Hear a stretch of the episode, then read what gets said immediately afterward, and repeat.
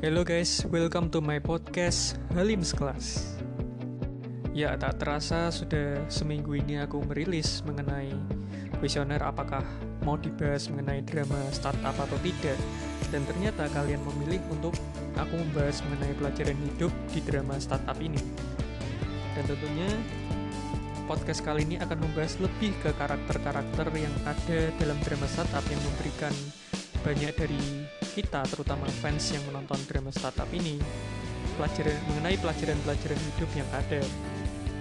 Sebelum mulai, spoiler alert buat kalian yang belum menonton drama startup, aku saranin kalian untuk nonton dulu. Dan setelah itu kalian bisa kembali ke podcast ini untuk mendengarkan pelajaran hidup yang ada. Tentunya nontonnya yang barusan sudah dirilis yaitu episode 1 sampai 12. Dan mungkin malam ini tepatnya pada hari Sabtu aku membuat podcast ini, sudah ada episode ke-13. Oke, jadi tonton dulu dan kalian bisa mampir ke sini untuk mendengarkan pelajaran hidup yang tentunya berharga bagi kalian dalam keseharian dan juga dalam pekerjaan kalian.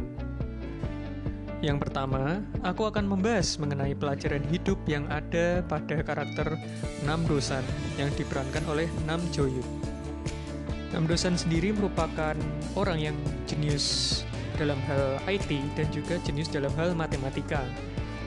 Kejeniusan Nam Dosan sendiri nyatanya dalam pekerjaannya di awal-awal di episode awal itu tentunya tidak membuahkan hasil di mana bisnisnya selalu gagal, ditipu banyak investor, dan tentunya awal-awal episode Nam Dosan sendiri diremehkan oleh mentornya yang ada di Sandbox yaitu Han Ji Pyong pada waktu itu.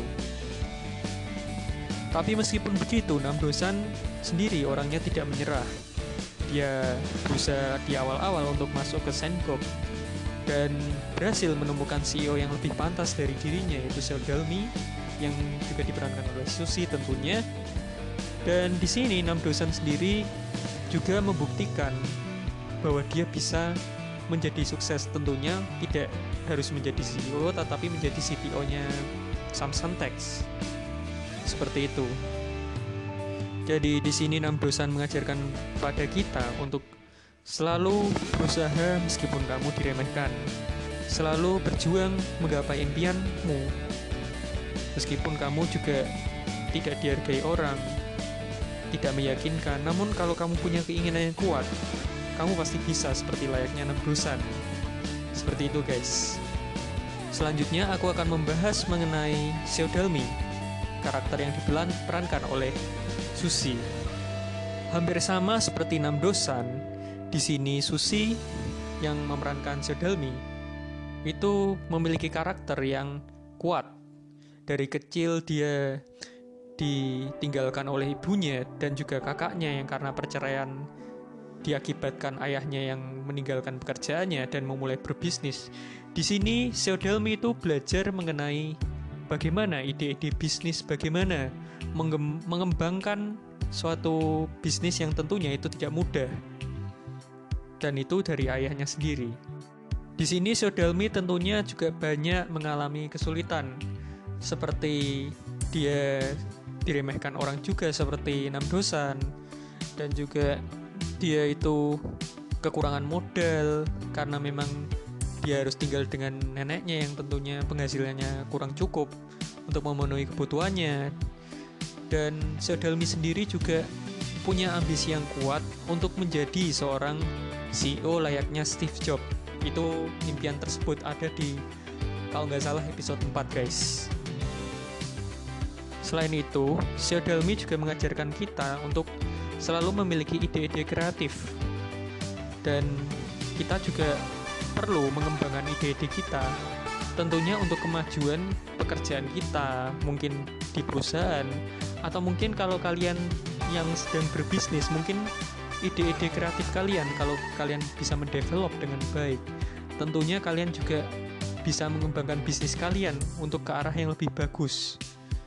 Seperti itu ya hampir sama seperti enam dosan juga. Enam dosan juga memiliki ide-ide yang bagus tentunya.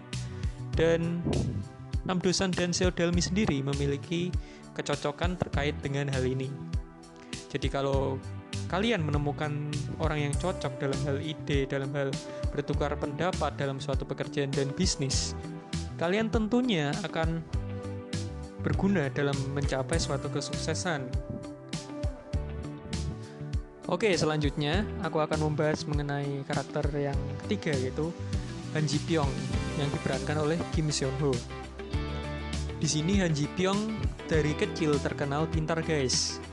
Dia merupakan investor yang berbakat karena bisa menggandakan uangnya neneknya Dalmi dari 8 juta dan jadi 80 juta. Dia punya bakat tersebut sejak kecil sehingga pada saat dewasa dia mengalami kesuksesan guys. Jadi dia menjadi investor terbesar di Sandbox dan tentunya dia juga menjadi mentor yang berguna dalam hal bisnis yaitu mentornya Santex guys Meskipun terkadang perkataannya menyakitkan, namun dia merupakan mentor yang tegas, mentor yang baik, memberikan nasihat-nasihat yang tentunya berguna bagi peserta didiknya atau anak didiknya, guys.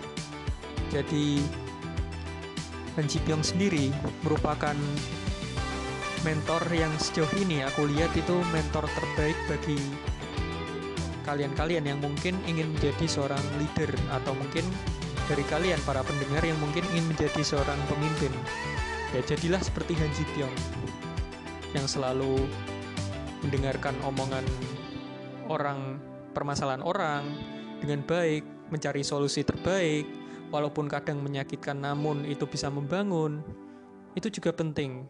Dan dari Seodalmi sendiri terhadap Han Ji Pyong ya yang merupakan peserta didiknya tentunya dia pun bisa menerima hal positif dari Han Ji Pyong dan itu juga menjadi bahan permenungan kita semua guys apakah selama ini uh, aku itu ketika mendengarkan atasanku aku bisa mendengarkan dengan baik atau tidak atau bisa mengambil sisi positifnya atau tidak paling nggak itu guys.